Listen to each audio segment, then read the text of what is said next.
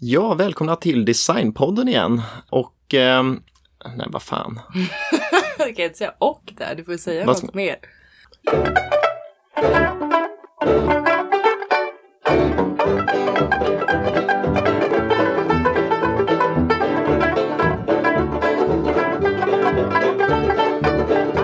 Det är femte avsnittet och ikväll kommer vi prata om, Finnjul! ja det gör vi. Woho! Och vi är inte helt friska någon av oss va? Nej, jag låter aningen täppt antar jag. Ja, Men det blir bra ändå. vi hoppas på det. Och vi som pratar heter Sanna och Andreas Yes. och nu kör vi igång.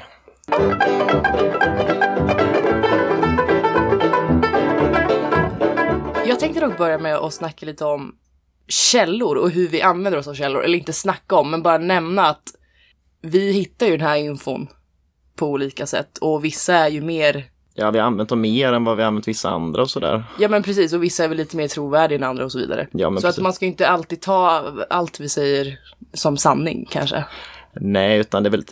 Vad vi vill är väl att eh, ja, fördjupa lite, sprida lite Ja, men eh, här intresse kring olika, olika personer och företeelser och sånt i designvärlden. Men precis, och vi är ju inte objektiva heller på något sätt. Vi, vi visar ju vad vi tycker och, och så vidare. Så att Jo, men exakt och eh, det är väl vi vill inte att det ska vara en föreläsning egentligen. Vi vill att det ska vara du och jag som diskuterar om design Jo, men exakt. och sprider lite kunskap. Exakt och sen så eh, vill man eh, förhoppningsvis lä lära mer om de här grejerna. Då kan man själv leta vidare på bland böcker och eh, på nätet. Precis ja, och vi har varit lite dåliga med att dela med oss av vad vi har använt oss av för källor. Ja, precis. Så det tänker jag att vi ska börja med lite bättre. Exakt. I skrift och inte säga det, men att vi skriver ner det i beskrivningen. Ja, men så då kan man kika på Instagram, Designpodden och eh, Facebook också där. Precis ja, så kommer ni få veta vad vi har använt oss av. Exakt.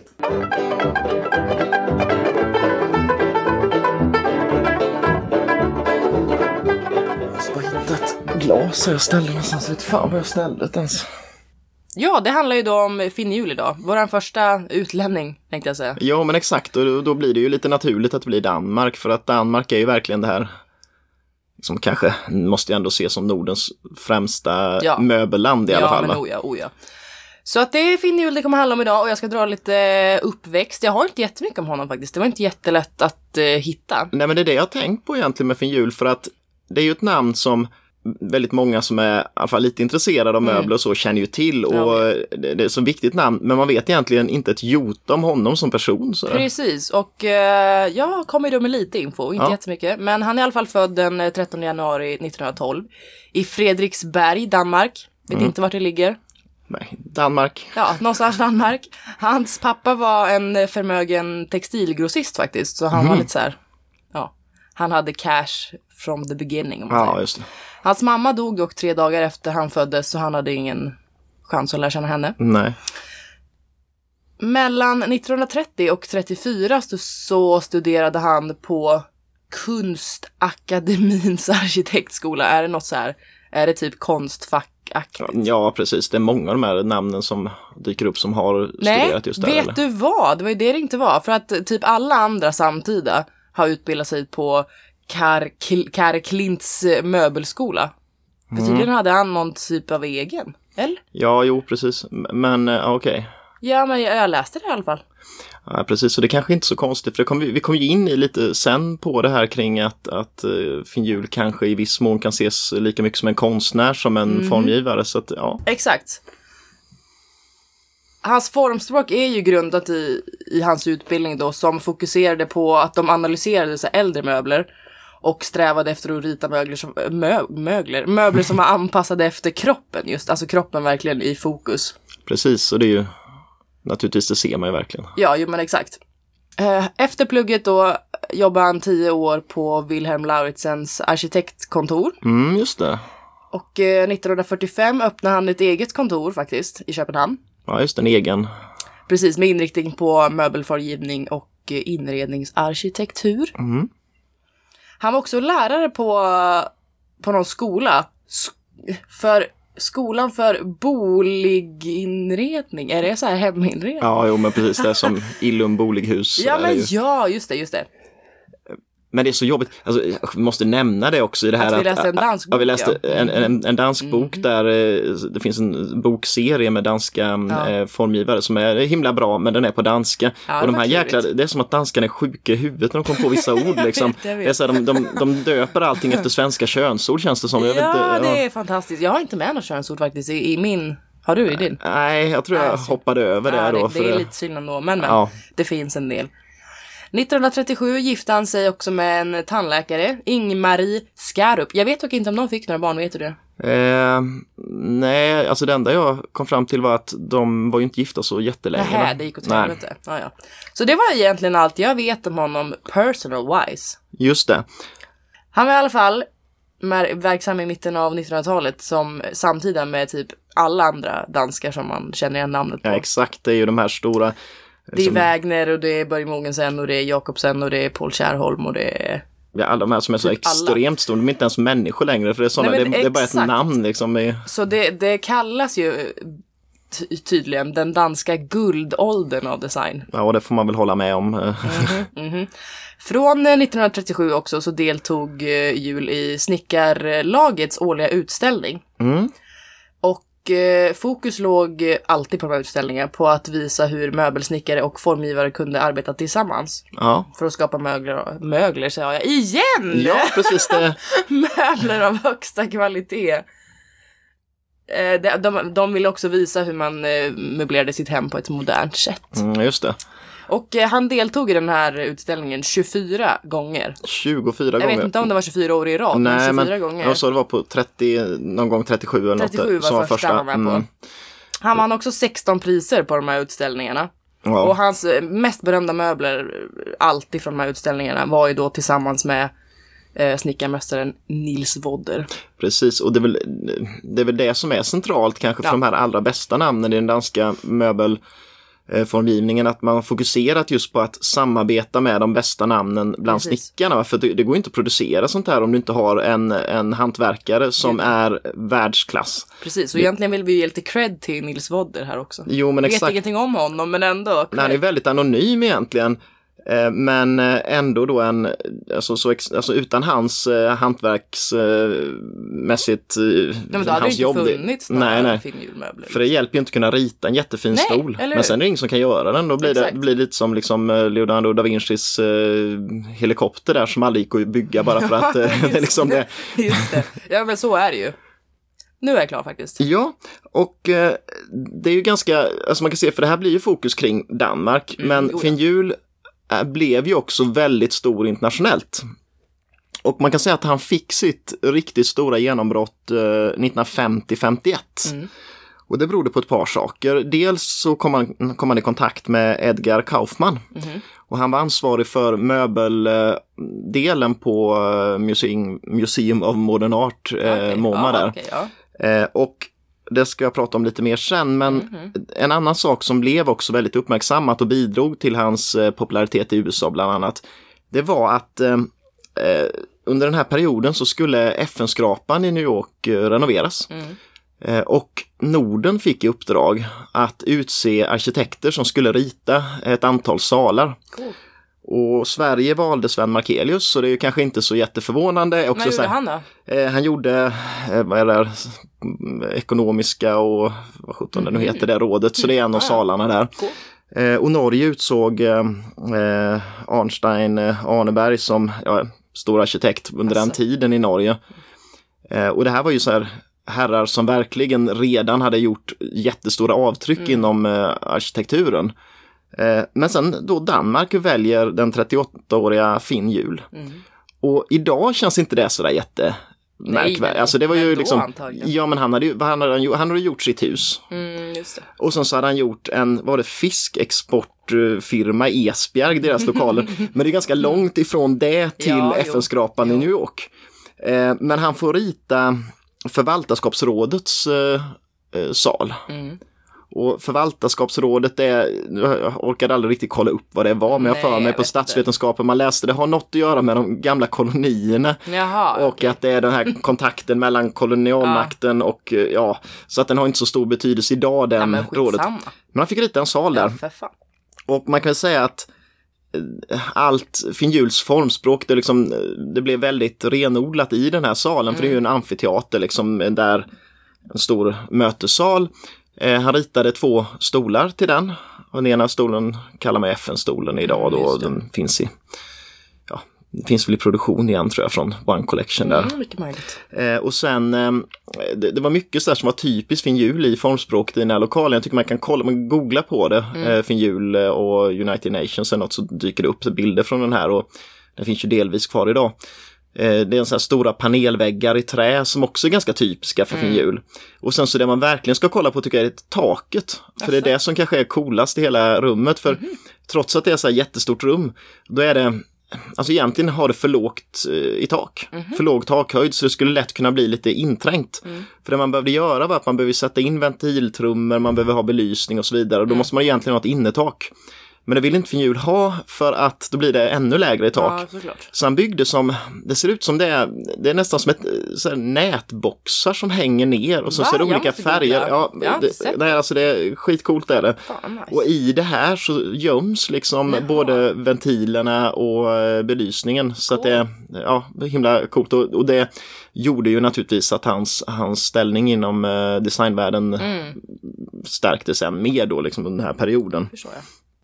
En bit in på 50-talet, 1956, eh, så fick han också ett annat uppdrag som eh, var betydelsefullt förstås. Och det var hans samarbete med SAS. Mm, Scandinavian Airlines. Just det, just det. Eh, Och det han skulle göra var att rita biljettkontoren och terminalerna. Mm.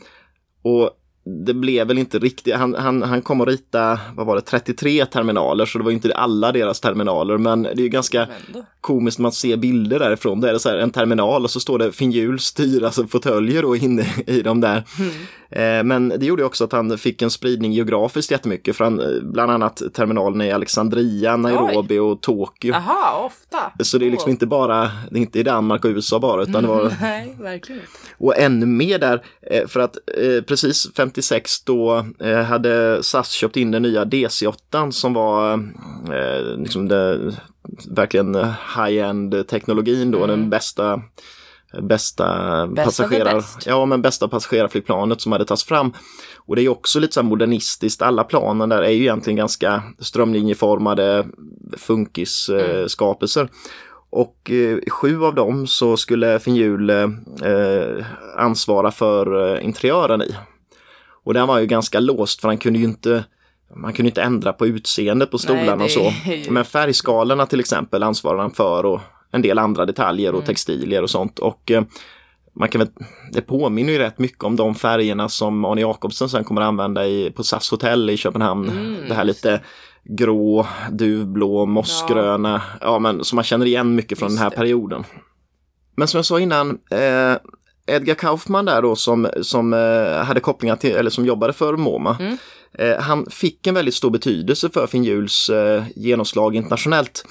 Och Kaufman, han, hans pappa var ju väldigt rik och han föddes ju rik då i och med och han liksom hade det här bakgrunden. De hade, han ärvde sen det här huset som Falling Water kallas det.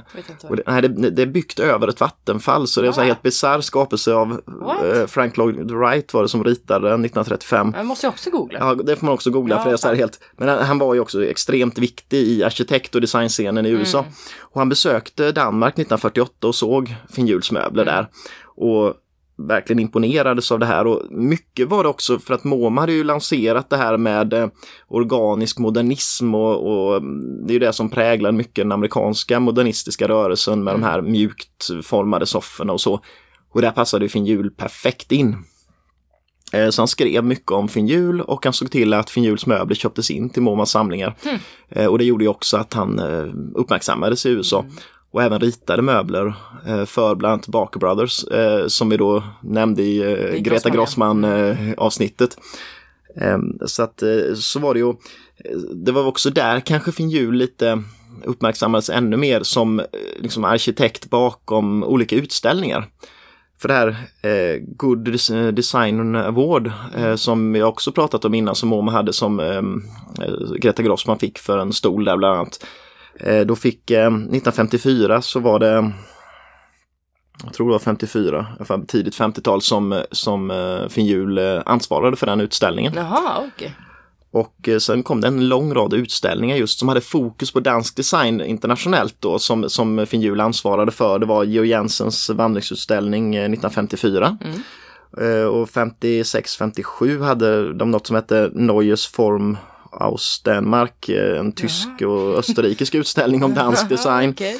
Eh, och 1960 var det en utställning, The Art of Denmark, på Metropolitan i New York. Och 1968 så var det en utställning på Albert Museum i London som också fokuserade på dansk design. Och på alla de här miljöerna han hade var ju, präglas på samma sätt som hans hus till exempel som han själv byggde, att just en öppen planlösning. Det ska jag snacka om. Ja, visst, precis. Men man, man, man kan ändå tänka att liksom, han utvecklade sin arkitektur också i och med, ja. eh, I och med eh, de utställningarna han höll. Och sen Finn Juls senare del av livet Mm. Känner inte jag att vi fokuserar så mycket på egentligen. Nej, och jag vet ingenting om det heller. Nej, alltså jag kollar, alltså det, grejen är att på 50-talet så börjar Mm. ju frångå lite det här att man ska ha hantverksmässigt, det här med samarbetet med en duktig snickarmästare och så. Eh, han det blivit lite mer liksom... eh, ja, mainstream, industri- eh, mainstream industriproducerat. Mm. Han började samarbeta med eh, Frans och Daverkosen Ja, som, eh, som är en firma där som Mm. kommer heta Frans och Sön sen också Yes. som eh, väl många känner till och som man vet att han har gjort möbler för. Och de var egentligen en madrassfabrik som ville göra möbler och så knöt de till sig Finn Hjul.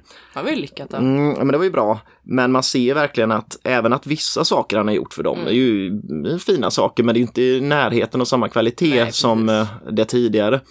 Och sen så 1960-talet är ju verkligen så här dystert mörker när man tänker på Finn Hjul för då, då kom man in på det här mainstream-modernismen när han gör kontorsmöbler i Man princip. ville kanske tjäna pengar. Ja men sannolikt va. Och han, han tror, det, det känns inte som han håller fast vid alls där han har trott på Nej. tidigare. Hans diplomatserie som han gör på 60-talet, det ser ut som någon sån här Ja, det är tråkigt. Karl-Erik Exelius ser det ut som. Ja. Men kan det vara så?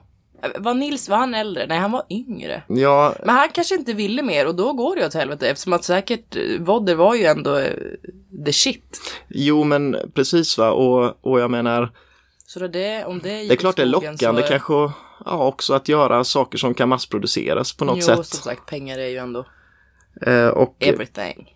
det, liksom, det känns lite som att under den här perioden kommer det andra namn som tar över. Mm. Eh, för att Finn Hjul är kanske mycket det här 40-50-talsformgivaren.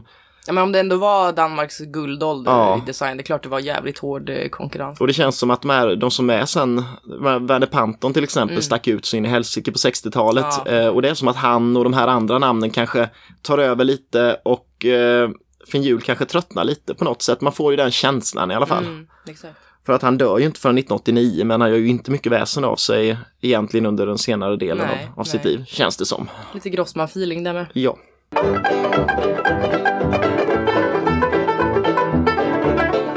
Jag tänkte prata lite om huset som du har nämnt två gånger. ja, just det, precis. För att det är ju ändå, han gjorde ändå allting själv där. Mm, exakt. Han byggde det mellan eh, 1941 och 42. Och då byggde han det för sig själv som bostad. då. Till sig själv som bostad på Kratvägen, äh skitsamma. Ja, det, Kratvägen 15 i Or Ordrup. Låg Mm. i alla fall lite, lite norr om Köpenhamn. Har ingen koll på Danmark, men så är det. jag vet att jag har kollat upp någon gång om, för det, det går att åka dit. Och, Ja men precis, det och borde vi actually do. Tycker jag. Ja, Huset består då av, av eh, två parallella block. Mm. Det låter inte så charmigt. Och så är det en gång emellan. så yttret är väldigt liksom inte utsmyckat. nej, ganska Det spart ser jävligt tråkigt ut Mm, utifrån, mm. det måste man ju säga. Men det är kanske det är lite charmen också ändå. Och eh, man kan ju också förklara med alltså, enkelheten på yttret med andra världskriget ju, om man ska dra in det alltid. Ja, det återkommer ju varje gång vi Ja, men pratar med om design. restriktioner och saknaden av material och sånt Mm. där. Det, det kan ju vara en förklaring också. Huset har hade då en väldigt, eller har, en väldigt öppen planlösning som du har sagt. Mm. Mycket ljusinsläpp, väldigt eh, funktionellt liksom. Mm. Helt i, så här, i tidens anda. Mm, ja, precis. Och han inredde det såklart med ah, hans egna grejer. Och eh, det jag tyckte var mest intressant, det var att han tydligen inte placerade någon möbel mot väggarna. Ja, det var in i rummen. Ja, utan alltid liksom i rummen. För att han tyckte att möblerna var, var husets eh, utgångspunkt och liksom det var, det var ju det som var Just det, fokus. just det, så att man möblerade huset utifrån var möblerna stod. Liksom. exakt. Ja. Och då ville han att man skulle kunna se möblerna från liksom alla håll, alltid. Så att det, det tyckte jag var lite fascinerande för att så gör man ju inte. Nej, det är absolut inte på samma sätt som då han, om man har verkligen vägrat att ställa liksom ut jämte en vägg. Liksom. Ja, precis. Så det, det, jag tyckte det var faktiskt fascinerande. Nej, dit måste vi åka. Ja, absolut. Jag har inget mer om det dock. Nej, men, men det kan man ju nämna att om man tänker på alla möbler som man Mm. har gjort egentligen, förutom kanske de här trista 60-tals, Ja, 70-talsgrejerna, men de skiter vi i. så är de ju verkligen värda att titta på från alla håll för att de har sådana former att de ser olika ut varifrån du tittar Ja, på dem. också. Eh, Så att därför så liksom- behöver man nästan se, det är ju liksom synd att ställa en sån bra soffa rakt mot en vägg för då ser man inte ryggen och den Exakt. är lika snygg som andra sidan. Liksom. Jo då, det visste han om. Ska vi kika lite på kanske Finjuls eh, formspråk och inspirationskällor och olika Ja. perioder han har haft? Vi vill väl ändå fokusera på det. Jo, när, men När vi exakt. snackar om finnhjulen då, för det är ju... Precis, och det är lite intressant för att hans formspråk skiljer sig ju ganska mycket åt ändå mot andra namn som fanns Mm. samtida, och många av de andra vi nämnde där. Liksom. Precis, och vi tänker ju lite två stilar han hade ändå. Eh, Liksom. exakt. och du tar en och jag tar en annan. Jag tänkte börja just med eh, den här de tidiga möblerna på 30 och 40-talet som, som eh, Finjul ritar. Och där är det intressant just att han inte gick den här Karl Klints eh, skola. Mm. Eh, utan, eh, och, det, och det ser man väl ganska tydligt för Karl Klint eh, representerar ju något helt annat än de möbler som Precis. eh, Finjul ritar. Mm. Och, och bakgrunden kan man säga ligger väl lite i att eh, 1935 och 1937 eh, så hölls det två utställningar på den fria utbildningens byggning i Köpenhamn. man så ja. Eh, då eh, introducerade man eh, kubism och surrealism och det är en, Mm, här, precis under den perioden Mm. som, eh, som eh, de strömningarna var väldigt starka inom konsten. Och har vi några namn där som är stora I inom konstvärlden? Ja. Picasso. Ja, men precis. Eh, de som ställde ut, och det är ju jädra inga dåliga namn som ställde ut, eh, för det var tydligen Giacometti, Mm. Jan Arp, eh, Max Ernst, Salvador Dalí, Miro, Kandinsky och sen Ja. så Willem Bjerke Pedersen och Magritte också. Mm, så att det är liksom gräddan av det de här. Och inom eh, den här konströrelsen så fanns det ju kan man säga två inriktningar. Och det var ju dels eh, illusionistiska surrealismen som var med Dalí och, och Magritte. Mm, mm. Och så fanns det ju den abstrakta surrealismen som var kanske mer till exempel eh, ARP då. Ja, Finjul har väl inspirerats av båda dem ganska tydligt. Mm. Och ehm, det, är väl kanske också det som är intressant för Finjul såg sig ju som en konstnär lika mycket som en möbelformgivare. Och han menade ju att, att liksom en, en fåtölj är ju egentligen en skulptur. Vad är det som skiljer en fåtölj mot en, något som man bara gjort Ja, för nej, att stå i ett hörn? i. Eh, ja men absolut. Och de här tidiga möblerna, de tidiga stoppmöblerna som Mm. gjordes, eh, de har ju inspirerats kraftigt av den här nya, nya konströrelsen som kom. Mm. Och eh, till exempel då eh, nämns ju eh, ARP som ett, en sån här stor eh, inspirationskälla. Och mycket, det bygger väl mycket på det här, den här lite, ja, vad ska man säga, ja, den här organiska, ja precis. 1939 och 40 så lanserar ju Finjul en rad eh, väldigt spektakulära möbler Mm. som har det här formspråket och de, de fick djurnamn. Det var väl egentligen inte Finjul som kallade dem det utan det var ju konstkritikerna Ja, ja, ja. Och, och de här som, som gick på utställningarna Mm. som kallade dem. De sa att fåtöljen ser ut som en trött albatross fick han om någon då.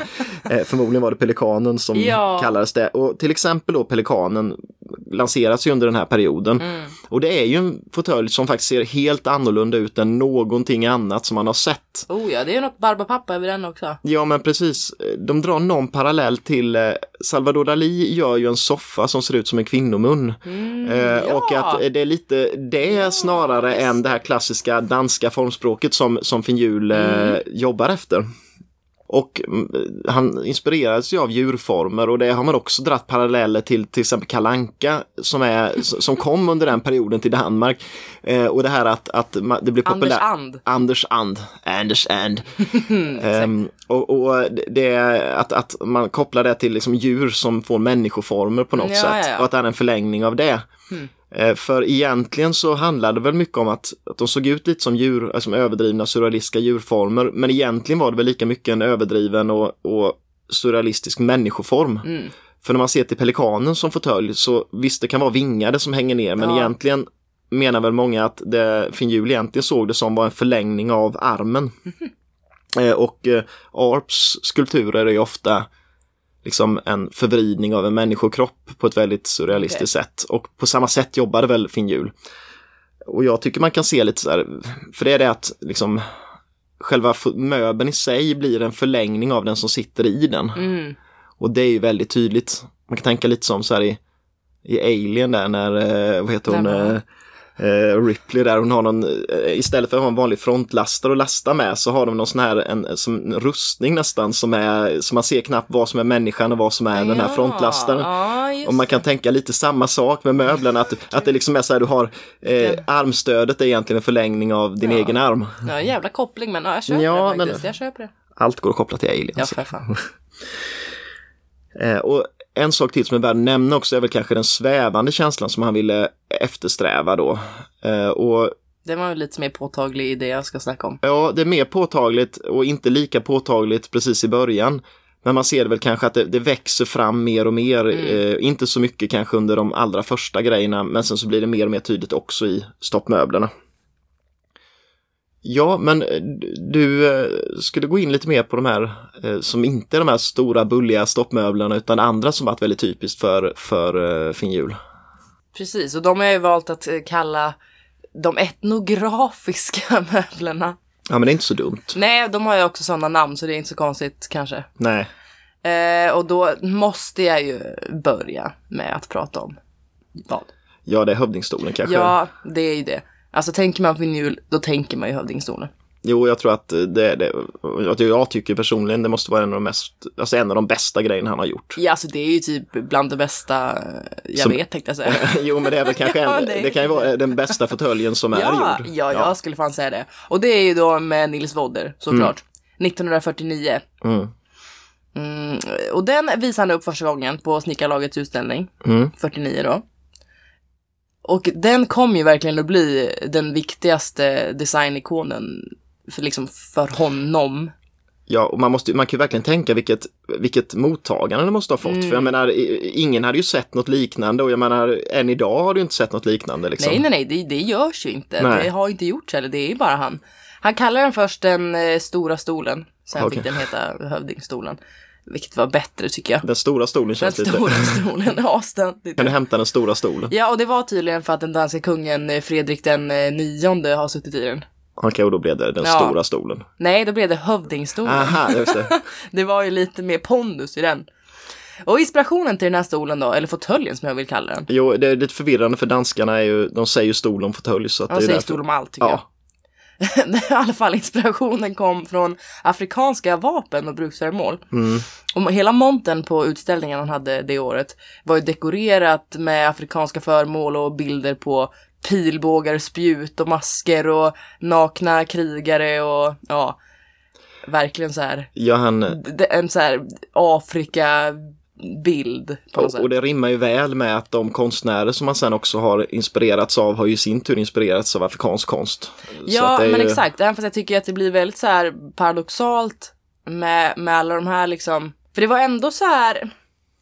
Det primitiva Mm, skulle ju ändå så här visas upp på något sätt. Och jag tycker att den här stolen är så långt ifrån det primitiva man kan komma. Men det är så avantgarde-grej egentligen och Ja. så här bara till de allra rikaste. Ja men exakt, och då känns det så himla konstigt att, att det blir, ja ja men men, det gick ju hem i alla fall. Och det var ju då runt eh, krigsåren så fanns det ett väldigt stort intresse för eh, de etnografiska samlingarna på Nationalmuseum i Köpenhamn. Mm. Och det var ju antagligen för att man inte riktigt, man kunde ju inte resa riktigt. Nej, precis. Man var ju egentligen, man kunde ju inte ta sig ur landet. Nej, och då, då, blir, då blir det ju alltid så. Man vill ju ha det man Mm. inte kan få. Så eh, många började använda sig av exotiska influenser under den tiden. Efter utställningen 49 så syntes stolen, eh, eller fåtöljen, i en lång fotoserie i en amerikansk tidning, eh, Interiors. Aha, ja. Och eh, detta, det, liksom, det var ju också så här startskottet lite för eh, hans USA-storhet. När hade du, när gjorde han det där för FN sa vi? Eh, Det var 1900, var det 50, 50, 51 någon Ja. I alla fall, det var Ja. ju verkligen där i krokarna. Det var då han liksom blev stor i USA.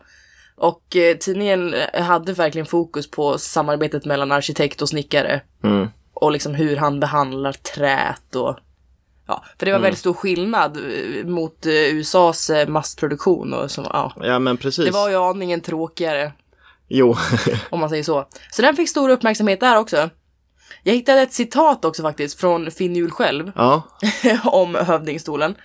Och då sa han tydligen jag sa på skoj att den var till kung Fredrik, men vi insåg snabbt att vi inte kunde kalla den för kungastolen eller kung Fredrik-stolen. Han hade ju inte bett om det och vi hade ju inte heller frågat om det. Så jag slog bort det och sa att stolen var till en afrikansk hövding. och det känns ju kanske lite mer lämpligt också eftersom det är en typisk etnografisk inspirerad möbel så att eh, Precis, men jag tyckte det var lite skönt. Eller så här, det visar ju lite på, ja men lite mer personlighet Ja. liksom, när man hittar något citat. och sen är det ju inte heller Alltså det är inte alls en typisk västerländsk eh, kungastol Nej, på något sätt. gud nej. Nej, lite charmigt tyckte jag. Ja, absolut. Tänkte berätta lite om också hur den eh, ser ut om man inte vet det. Det är Ja. inte jättelätt ju. Och Men det i kan man, ju, kan man ju googla också samtidigt. Det så bör kan man, man, ja, ju. Eller vi bör ju ha den på, på, på omslagsbilden för Ja, vi avsnittet får också. se till att ha det. Men här har vi ju då det svävande som eh, liksom är fokus på just de här möblerna jag kommer att snacka om. Ja, Och att sits och rygg var frigjorda från varann. Mm. Och armstöden också för den delen. Och de är klädda. ja just det. Och stommen är, ser så liksom väldigt, eh, den är så jävla delikat på något sätt. Det ser inte ut som att den ska tåla någon vikt. Jag tycker det känns som tandpetare liksom ja, det är verkligen ihop. så tunna, så tunn stomme. Det liksom känns som att jag kan inte sitta i den här utan att den eh, går sönder. Men det gör den inte, den håller ju fan forever. Ja, det är ju, det är ju, det är för att liksom tyngden, den är ju konstruerad så att tyngden läggs på alla liksom precis Mm. rätta ställena. allting är genomtänkt in Ja. i minsta lilla Men jag detalj. fattar inte riktigt. Om jag ska vara ärlig. Nej, nej. Det, det, ja, men i alla fall, den är jävligt fascinerande. Och eh, tydligen så är den gjord för att man, eh, när man sitter i den så får man en väldigt så här auktoritär hållning tydligen. Ja, Hövding. ja, det var ju passande.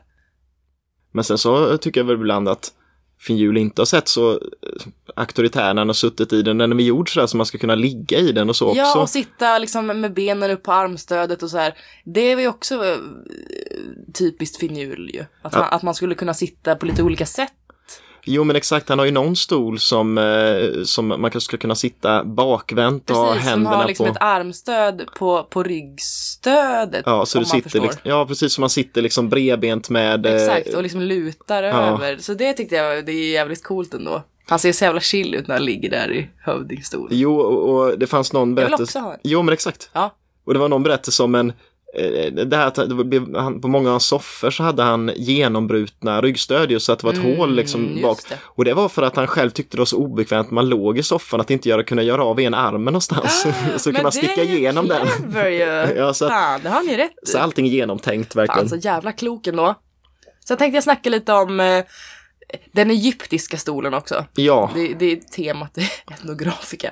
Det är också 49 faktiskt den designades. Den Mm. visades på samma utställning. Mm.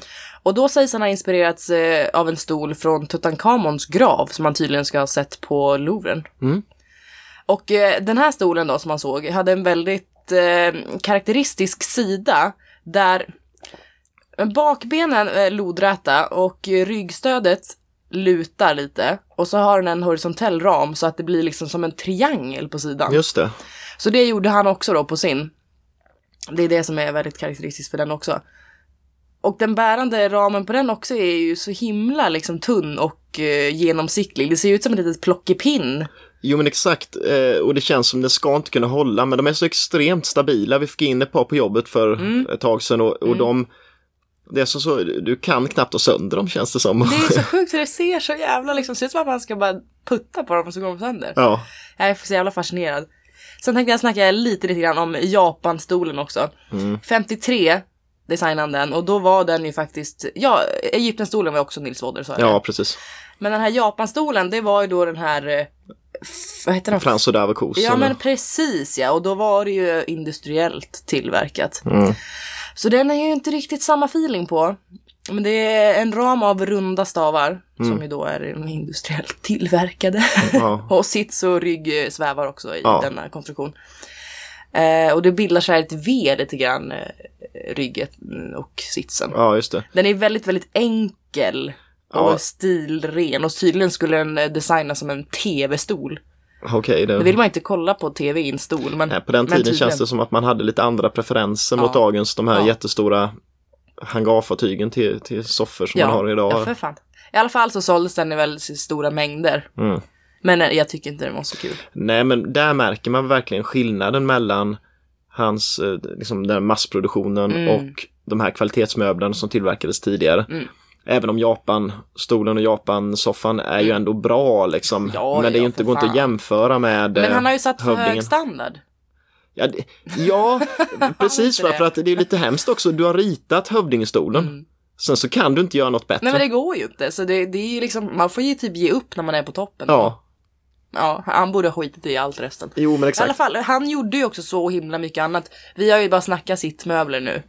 Jo, precis. Och där är det ju jättemycket mer. Vad har vi mer? Bord naturligtvis. Ja, bord och liksom lampor och några tyger Mm. och det var ju lite allt möjligt. Eh, träskålar är en också som gjordes för Just Kai Bojesen som eh, liksom är jätte, alltså, eh, där kan man väl tänka lite just på att för de är, alltså, de här tikskålarna som han gjorde är ju så pass mycket bättre Mm. än typ alla andra tikstolar, äh, skålar också så att det är ju liksom, eh, ja det, det är ju ett geni verkligen. Ja men han var ju det. Men som sagt, vi valde lite på sitt möbler för vi gillar att sitta. Ja, och det är väl kanske de som är ändå mest kännetecknande Ja. för uh, Finn Hjul som formgivare. Såklart.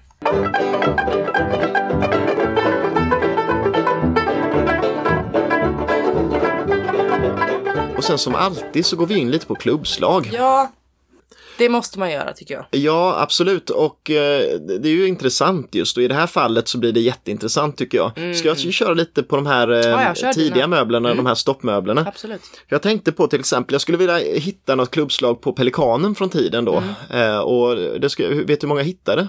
Mm, en? Ja, ingen. Nähä. Eh, så jag vet inte om den egentligen inte producerades eh, från början utan att den var med på lite utställningar och gjordes Ja, kanske i en, något exemplar. Mm. Eh, Så den går inte att hitta helt enkelt, så det finns inget. Däremot så finns eh, Poeten som är en annan Vad soffa. var det då? Det är en soffa som också har lite den här väldigt mjuka kalanka formerna liksom eh, Men med lite eh, samma feeling ja. Ja, och samma ben typ som, som Mm, Pelikanen har. Eh, Och den ritade han 1941. Eh, Så det är ett år efter Pelikanen. Ja. Och Brun Rasmussen i Danmark har sålt en Poetensoffa som är tillverkad 1960 av Nils Vodder. Och, och den, eh, den såldes för 140 000 Svenska. eh, svenska Mm. kronor. Och, och det är ju mycket, men jag trodde den skulle kosta mer faktiskt. ehm, ändå. faktiskt, faktiskt. Eh, Och sen finns det ju då, det är ju en soffa som dyker upp ibland, Mm. som inte är särskilt vanlig men som ändå dyker upp. Eh, Den, den, eh, den heter FJ50, men om man ska beskriva den lite mer så är den, den har lite svanvingar. Eh, Och sen så har den det här genombrutna ryggstödet Mm, hela det. vägen så att det ser Just ut nästan det. som en mun kan man väl tänka. ja, lite så. lite Dali. Ja, precis. Och den är ju lite senare än de andra. Den är Men det måste ju tillverkad... vara 50 då, för döpte han Ja. sina möbler så? Jo, precis. Så det är ju 1950. Mm. Eh, Och eh, den är tillverkad av eh, eh, Sören Willadsen så i Vejen i Danmark. ja. Var det Vejen till ha, ha, Mm. Men, men hur som helst. Eh, Och den här soffan, lite kul anekdot om Ja, den. tell me. Det eh, det- och som också kanske visar på hur svårt det är att göra något vettigt av en sån här soffa om man inte är duktig. Det är eh, på jobbet då, mm. jobbar ju med värderingar på eh, ett auktionshus här i Stockholm. Och Mm. Det var en som hörde av sig och sa att de hade en soffa och de tyckte den påminde väldigt mycket om en fin julsoffa. Mm. Och de hade köpt den på ett annat auktionshus i Stockholm då, eh, Ja, för, ja. som så här 1950-tal och de hade betalt väldigt I lite för den. see. Eh, Och de kom in med den här soffan och den såg ju både bra ut och för jävlig liksom, för den var, Ja. den var omklädd. Eh, Och sen så hade den liksom stoppats med någon sån här skumgummi runt omkring över så att den hade inte kvar sina ursprungliga former. Du såg potentialen. Man såg ändå att det var den här Finjul FJ50-soffan. Mm, mm. Eh, Så att vi ehm, eh, pratade med kunden och fick tillåtelse att riva bort eh, det Ah. som låg över. För vi såg att det fanns en originalklädsel under. Och den var ju givetvis i väldigt dåligt skick, men vi tog bort den och eh, då, då kom ju direkt de här rätta formerna fram. Mm, just det.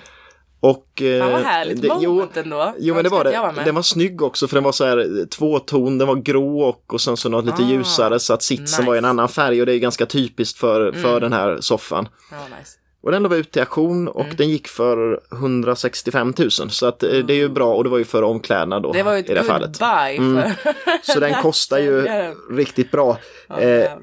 Den har sålts också i, eh, eller ja, Brun Rasmussen i eh, Köpenhamn Mm. har, har den eh, soffan och två fåtöljer eh, i, alltså nyklädda Mm. i tidsenlig textil gick möbelgruppen för en halv miljon.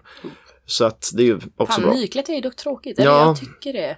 Det är att det är så himla svårt att få tag i något sånt här med okej klädsel alltså Man- från man tiden. får- jag, jag känner att man får leva med det. Ja, att det är ja absolut. Då är, då är det rätta feelingen. Liksom. Exakt. Eh, Sen finns det inte så jättemycket andra exempel, alltså det är ju en handfull soffor Mm. just av de här surrealistiska grejerna som har sålts. Men eh, som vi pratade om så har, ritade han ju en soffa för eh, Barker Brothers Mm. eh, 1951 och den har sålts några gånger. Och internationellt på Philips i London har en sån soffa sålts. Eh, och den gick för eh, strax under en halv miljon. Mm, mm. Så att det är också, ju- ja, då börjar man komma upp i lite högre, Ja, lite högre summor. Men den verkar ha haft lite större produktion, just den, just den soffan har funnits ute på auktion några gånger. mm. Så att det är nog betydligt mer än vad, vad de här Nils Wodder-grejerna har, har producerats i antal. Mm, just det. Jag har ju också letat klubbslag såklart. Ja, Men jag känner att det var lite svårt ändå. Mm. För jag brukar ju vilja så här, kolla svenska först, bara för att det är lite kul. ja, Och då hittade jag egentligen... eh, Ja men det var lite svårt, men jag hittade så här Egyptenstolar. ja, Men inte som liksom... inte mycket mer liksom. Nej, det, det är inget som jag hade lust att... Eller jättegamla så här från början 2000-tal. Men det tycker jag inte riktigt visar. Nej, det, det har ju inget med, med saken att göra. Nej, alltså. vi vill ju ändå vara lite så här, vad, vad, vad kostar det idag?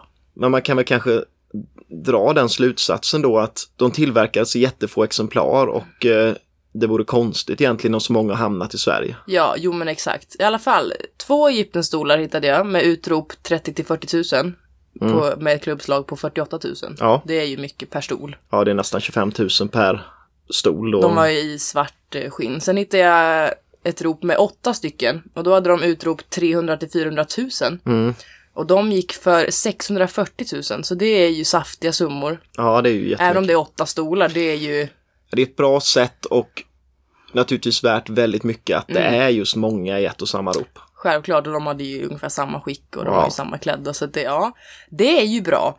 Sen kollar jag då internationellt såklart. Mm. Jag hittade lite, Japanstolarna, det- de var ju inte så kul från början. De är ju väldigt så här Ja. stor produktion på. Men man får ändå typ så här 30 000 för ett par Ja, på auktion. Och en hittade jag som gick för 16 000, så det är ju ändå mycket pengar. jo det är mycket men det är ju inte de här skyhöga klubbslagen eh, där. Nej, oh nej. Sen Hövdingstolen då såklart, som är ju det dyraste man kan köpa av Finnhjul. Mm. Och det dyraste noteringen jag hittade ever Är, var på Philips London 2013. Över en hövdingstol i brunt skinn. Utrop 500 till 800 000. Mm. Klubbslag, vill du gissa? Över miljonen då. 4 miljoner. Fyra miljoner kronor. 4 miljoner kronor för en stol. I love this chair liksom, men det, that's a lot of fucking money. Och det är ju inte, ja visst men den är jättefin men fyra Ja. miljoner och det är ju och givetvis då det högsta klubbslaget på möbel av Finnhjul. Ever. Ja. Sen hittade jag en till då som faktiskt var på Philips London 2014. Mm. Då hade de ändrat utropet drastiskt. ja. I och med att det gick så bra förra gången. Ja, så då hade de satt det så här jättelångt spann, men i alla fall eh, mellan en till tre miljoner. Mm. Och då klubbades den för strax under tre. Vilket ju ändå är sjukt mycket pengar. Ja. Men det låter ju på en gång mycket sämre. Ja, bara för att man har dragit till med så djävulskt För det är ju högt. en jävla skillnad på 500 till 800 som utrop. Ja. Eller en till tre miljoner. Ja, Men i alla fall, ändå strax under tre miljoner är ändå sjukt mycket pengar. ja absolut. Sen vill jag också alltid kolla på vad det kostar nyproducerat. För det är ju också jävligt intressant. Mm. Just det, och de här möblerna ny, nyproducerats av eh, Ja, var det One, One, Collection? Collection, ja. House of Injul. eh, och precis. eh, det byggde ju någonting, jag såg någonstans, det byggde på att hon som var, han gifte sig inte igen sen men han var ju sammanboende med en kvinna och Mhm. hon såg till att rättigheterna fördes in i det här företaget. Ja, ja, ja, ja, eh, Så. Ja, precis. Och då Japanstolen då, som är den tråkigaste enligt Ja. mig, eh, börjar på 44 000. Mm. Egyptenstolen börjar på eh, 30 000 ungefär. Så det är Ja. ju lite så här, Japanstolen börjar på högre, men ja. Men japanstolen är ju mer nästan en, det är ju en matstol egentligen. Mm. Skitsamma. Hövdingstolen i alla fall startar Ja. ungefär på 120 000 nyproducerat. Men just det. Och så finns den ännu dyrare beroende på Exakt. liksom träslag Ja, och skinn och sånt. Självklart, men det är ändå 120 000 för en. Fan, jag vill ha en ändå. Mm. så jag skulle känna mig så jävla cool i den. Ja.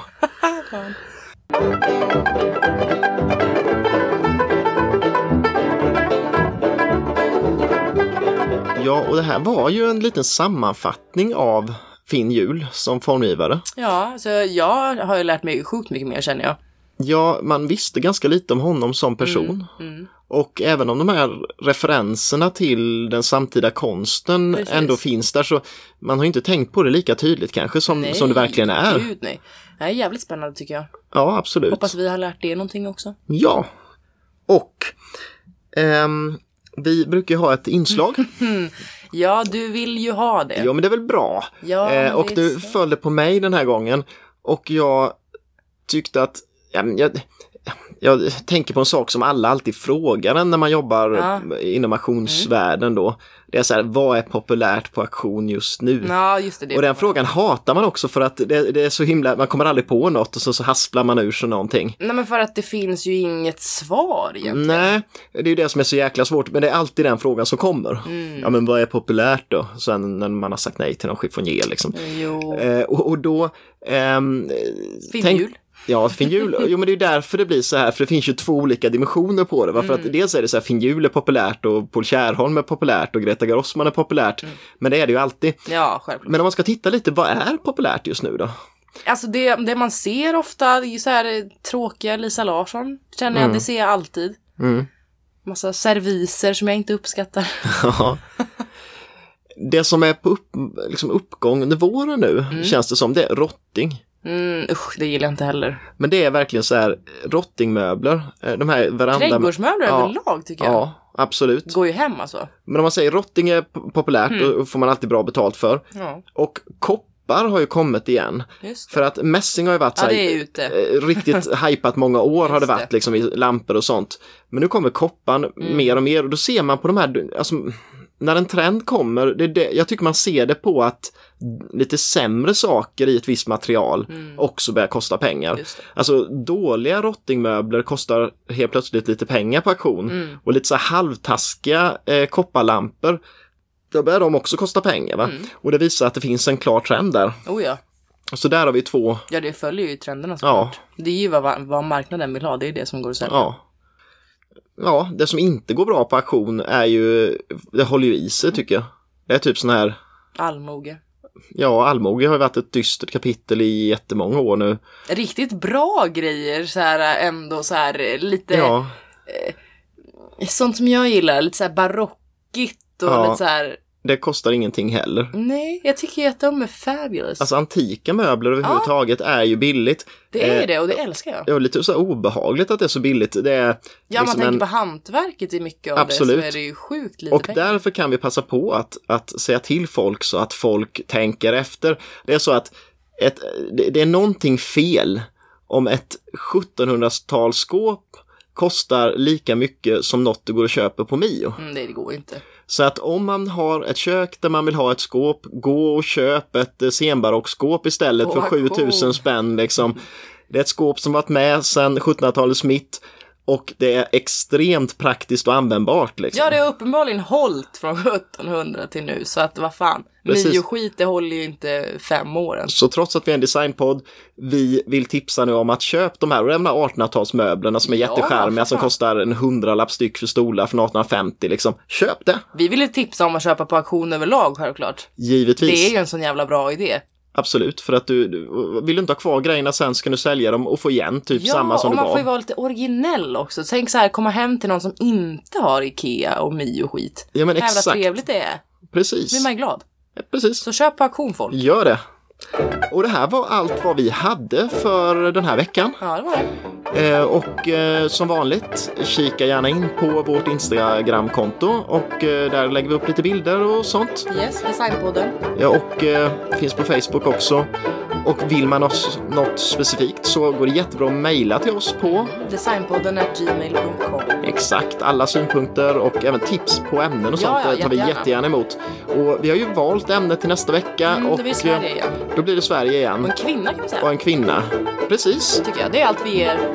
Ja, Ja. så ses vi om en... eh, Ses envisas jag med att säga, men eh, det är bra. Om en vecka så är vi på återhörande igen. Yes.